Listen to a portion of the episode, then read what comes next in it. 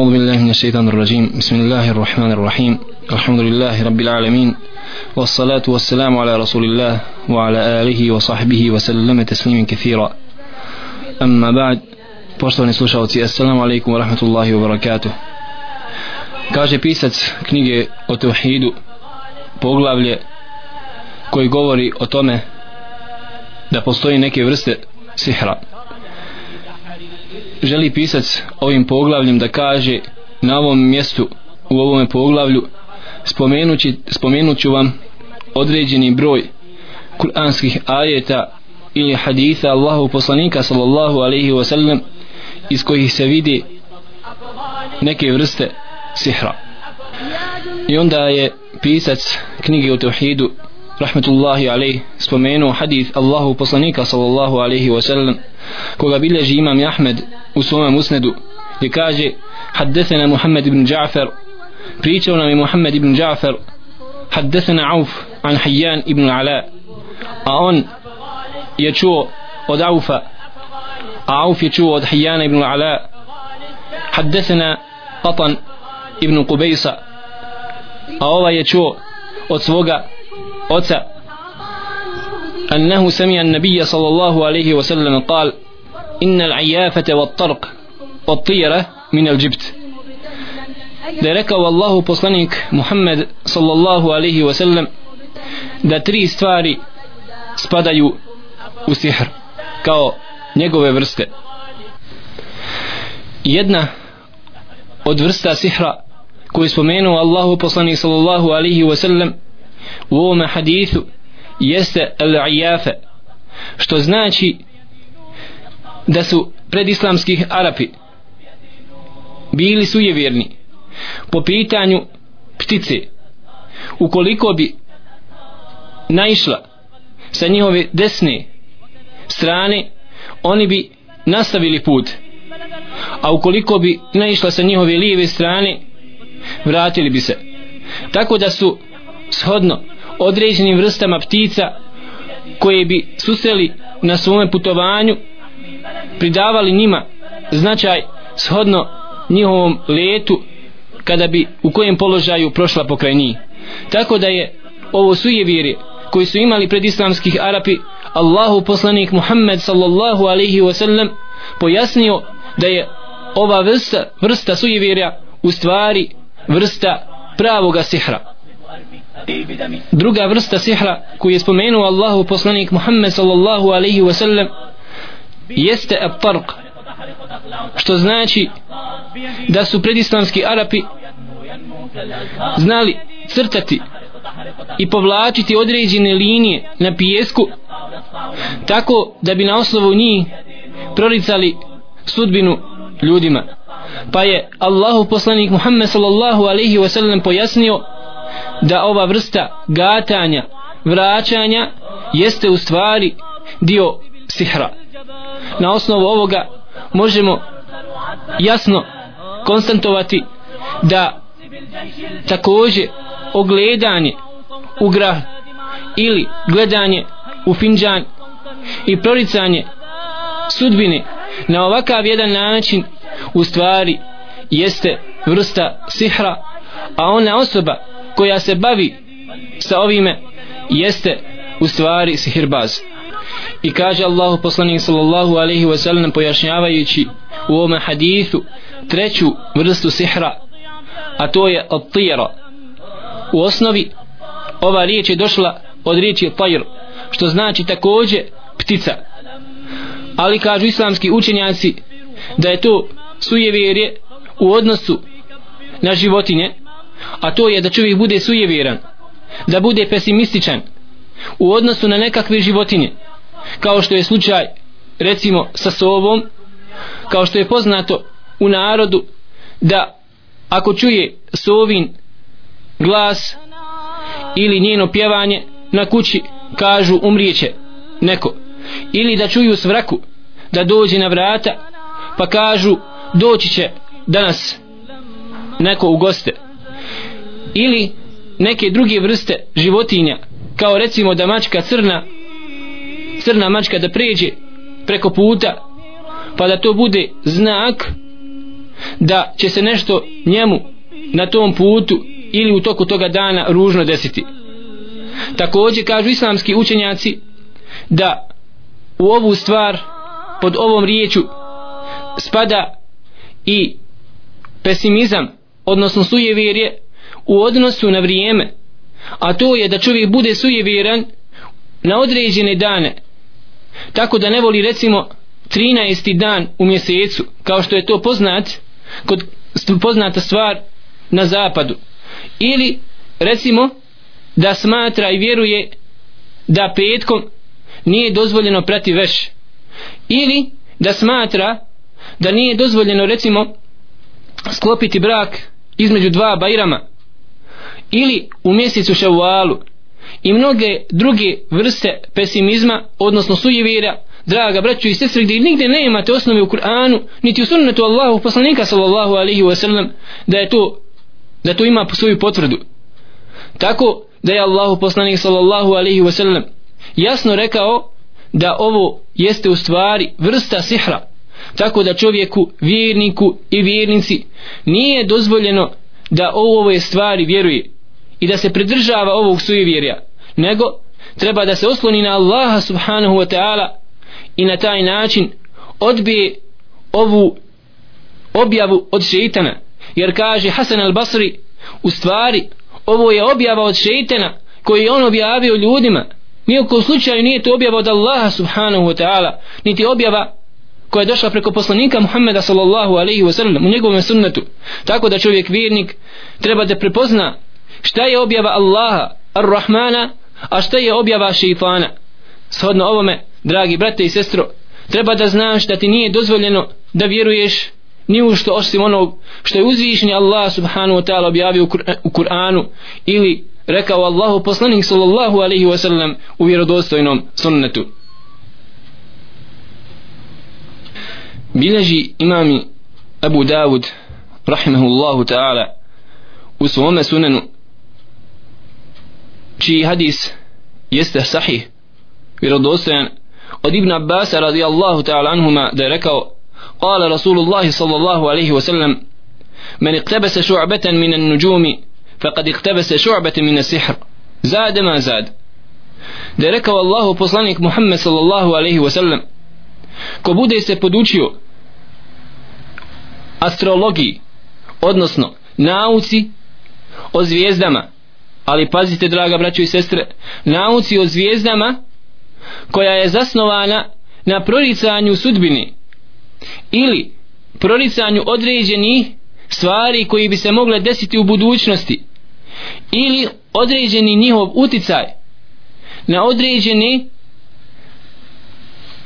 određene događaje ovdje na zemlji. Pa kaže Allahu poslanik sallallahu alaihi wasallam ko se na ovakav način bude bavio astrologijom nema sumnje da koliko bude uzeo od ove nauke toliko je u stvari podučio se samome sihru. Zada ma zad. Shodno koliko bude posjedovao znanja iz astrologije toliko u stvari on je sebe podučio sihru. Tako dragi brati i sestro treba da znaš kada uzmeš nekak, nekakvi časopis i u kojem vidiš horoskop da ti proriče sudbinu shodno tvome mjesecu rođenja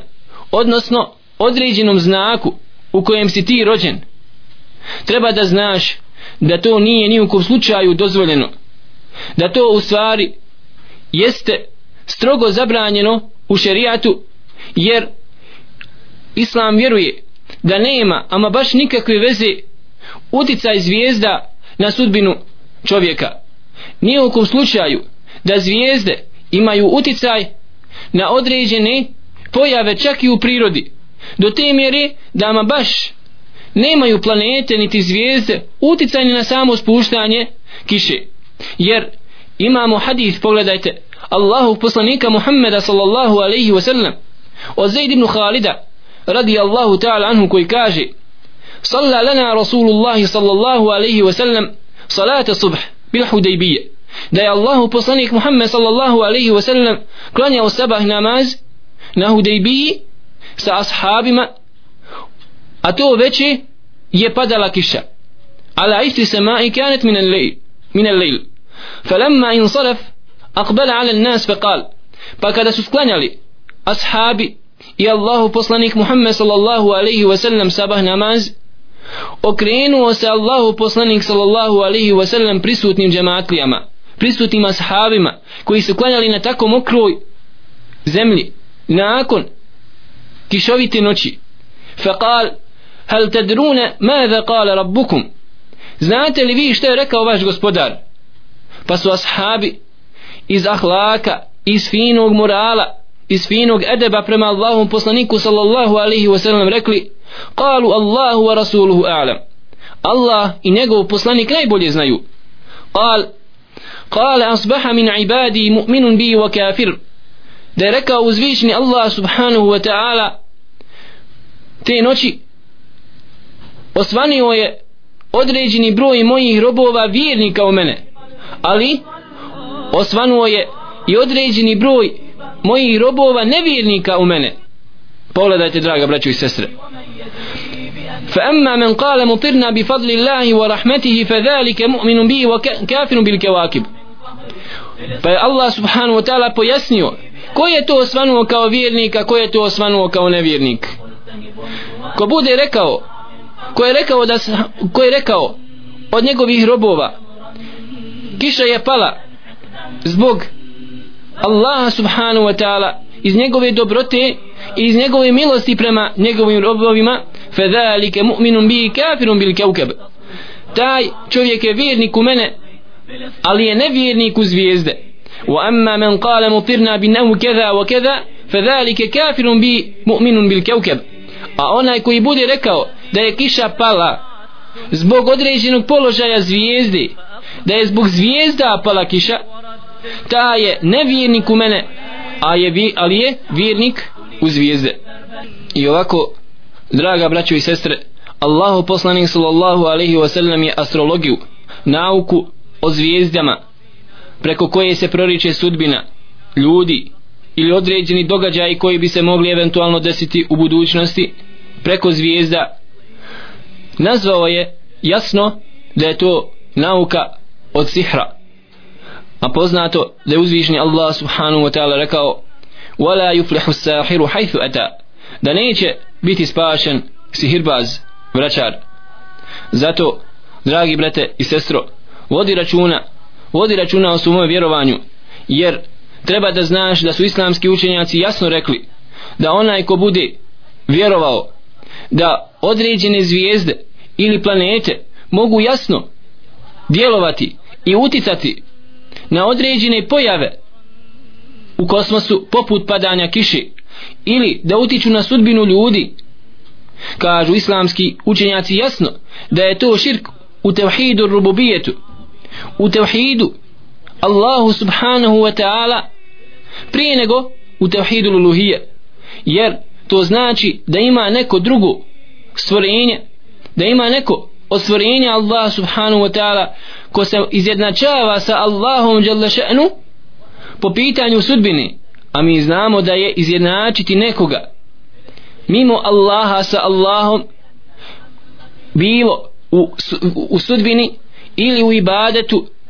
ili u drugim nekakvim značenjima poput vjerovanja da neko može dati smrt ili oživiti tako u tom smislu jeste u stvari izjednačavanje stvorenja sa Allahom subhanahu wa ta'ala i to je u stvari širk Allahu jalla še'nu. Bileži imam Nasai u svome sunanu hadith od Ebu Hureyri radijallahu ta'ala anhu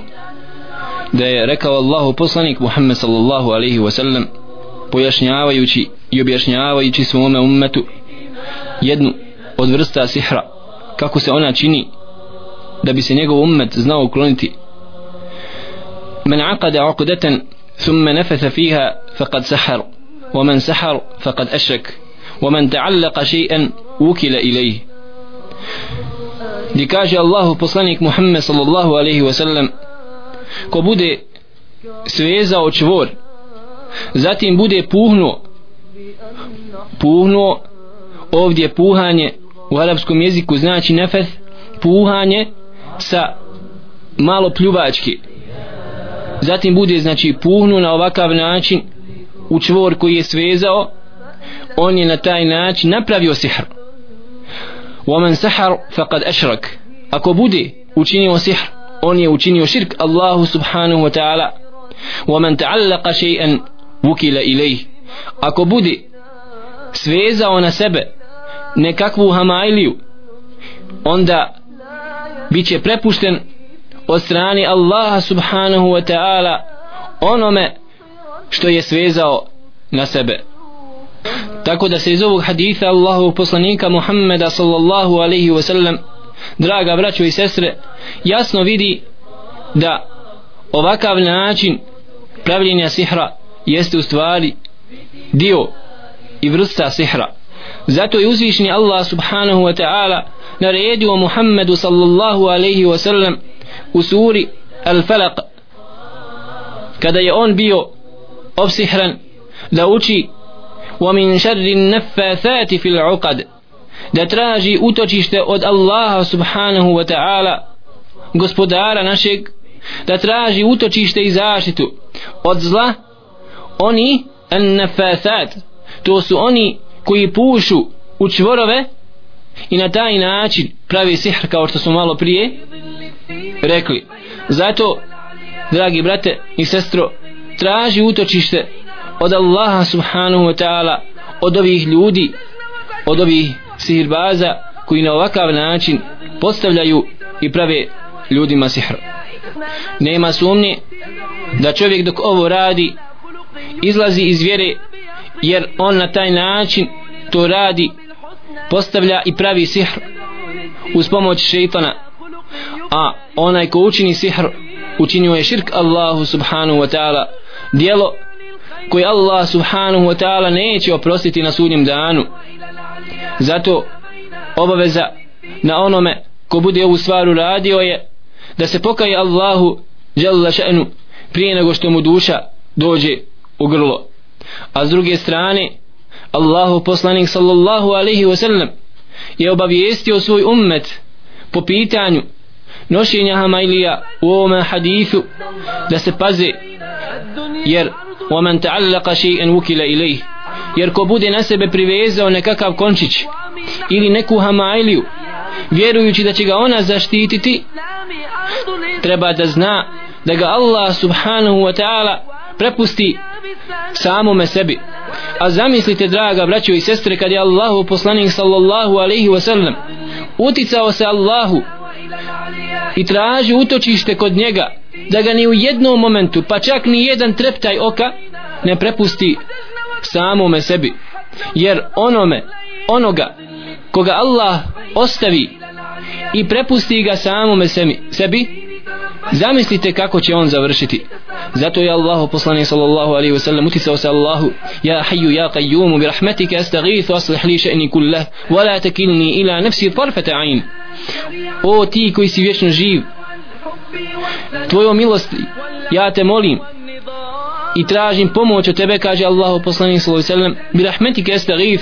aslih li sha'ni kulle. Ti popravi svako moje stanje. Wala takinni ila nafsi tarfata ayn. I nemoj me prepustiti samome sebi ni treptaj oka. Ni jedan treptaj oka nemoj me ostaviti samoga niti prepustiti. Zato dragi brate i sestro treba da znaš treba da znaš da ono što budeš nosila na sebi od Hamailija da ti obaveza da skineš to sa sebe i da zapališ jer znaj da neće ti Allah subhanahu wa ta'ala pomoć sve dok ne budeš to uradio odnosno uradila. To je zato dragi brate i sestro što je oslanjanje na Allaha subhanahu wa ta'ala jedno od najvećih dijela srca jer hoće Allah jalla še'nu da budeš musliman u svojim delima ali isto tako da budeš musliman i u svome srcu. Kako si se predao svojim jezikom pa kažeš la ilaha illallah? Kako si se predao svojim rukama i nogama pa padaš Allahu na seždu rukama, nogama i čelom? Tako hoće Allah jalla še'nu da svoje srce predaš Allahu jalla še'nu i da se osloniš na njega. Jer alejsa Allahu bi kafin abda zar nije Allah dovoljan svome robu. Zato ne voli Allah i neće od svojih robova da se prepuste ili osloni na bilo koga mimo njega. Zato nemoj nemoj se slanjati ni nekog drugog osim na Allaha subhanahu wa ta'ala gospodara nebesa i zemlje gospodara svega što postoji. Bilježi imam i Buharija i Muslim hadith od Ibn Omera radijallahu ta'ala anuhuma da je rekao Allahu poslanik sallallahu alaihi wa sallam objašnjavajući jednu od vrsta sihra. Inna min al bajani la sihra. Da govorništvo znači moć govora kad Allah subhanahu wa ta'ala podari čovjeku moć govora da je to također jedna od vrsta sihra. To je zato draga braćo i sestre što čovjek kada mu Allah subhanahu wa ta'ala da moć govora ako zastupa laž i ako želi da brani laž